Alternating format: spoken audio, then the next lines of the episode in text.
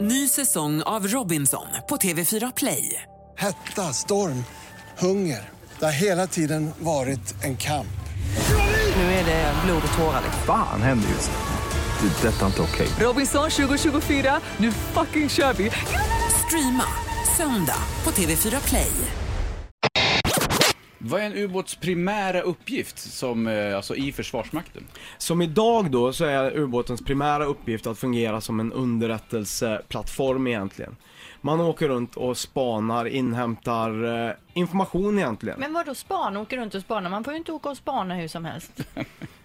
Man får ju faktiskt per definition åka runt och spana hur som helst så länge man inte håller sig på någon annans eh, territorialvatten. Ja. Men har ni bomber och granater ombord? Bomber och granater, vi har ju torpeder eh, som våra primärvapen då. Eh, två olika typer. Det blev helt tyst där för vi har inga följdfrågor på vapen. Nej, men vi tänkte det att vi har ju inga. Nej. Hur får man tag på dem? vad, vad kostar den- en, en sån här ubåt som du är kapten på?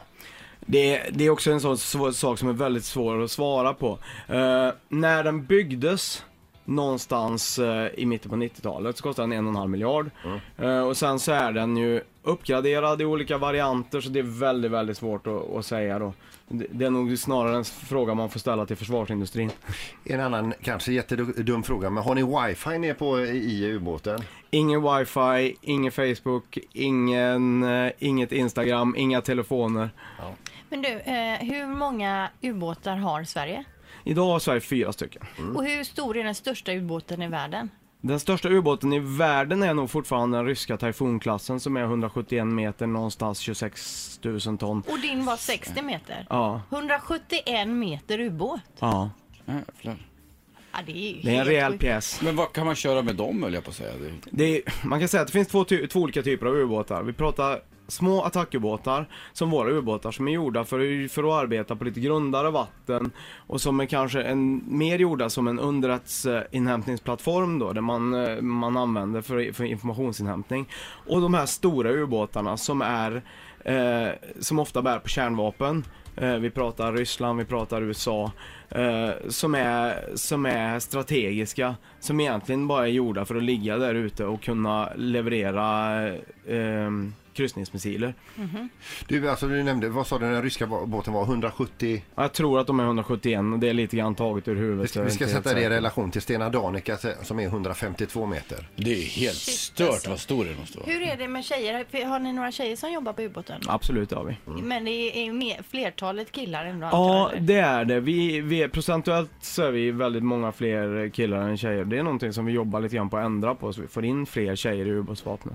Är man speciellt funtad, om jag får använda mig av det uttrycket, om man eh, söker sig till ubåtar?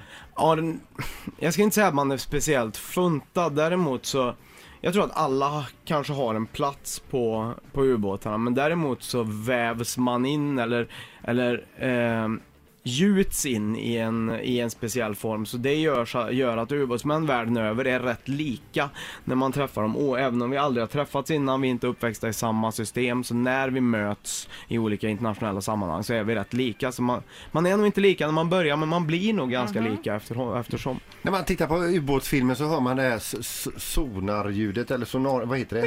Ja, sonar, sonarpingen. Hör ni den inne i ubåten?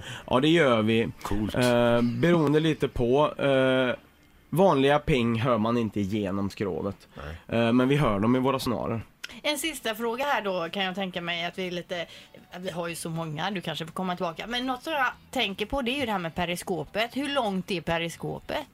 Periskopet är ganska, det är ganska långt. Exakt hur högt det är, det är hemligt. Men om man säger så här att eh, avståndet ifrån ubåtens köl till toppen på tornet, den här lilla utbyggnaden som ni ser ovanpå alla ubåtar. Den, det är 12 meter. Sen sticker periskopet upp några meter till ovanför det. Så man får ligga relativt högt upp ändå då när man ska upp och kika med Ja, periskopet? man får ligga relativt ytnära. Ja. Ja, ja det är Ja. så Nej, vi har, jag har så spännande. många fler frågor men vi har ju inte programtid till det. det är, du måste komma tillbaka hit. Det gör jag så gärna. Ja, men det är toppen. Ett poddtips från Podplay. I fallen jag aldrig glömmer djupdyker Hasse Aro i arbetet bakom några av Sveriges mest uppseendeväckande brottsutredningar. går vi in med hemlig telefonavlyssning och, och då upplever vi att vi får en total förändring av hans beteende. Vad är det som händer nu? Vem är det som läcker? Och så säger han att jag är kriminell, jag har varit kriminell i hela mitt liv men att mörda ett barn, där går min gräns. Nya säsongen av Fallen jag aldrig glömmer på Podplay.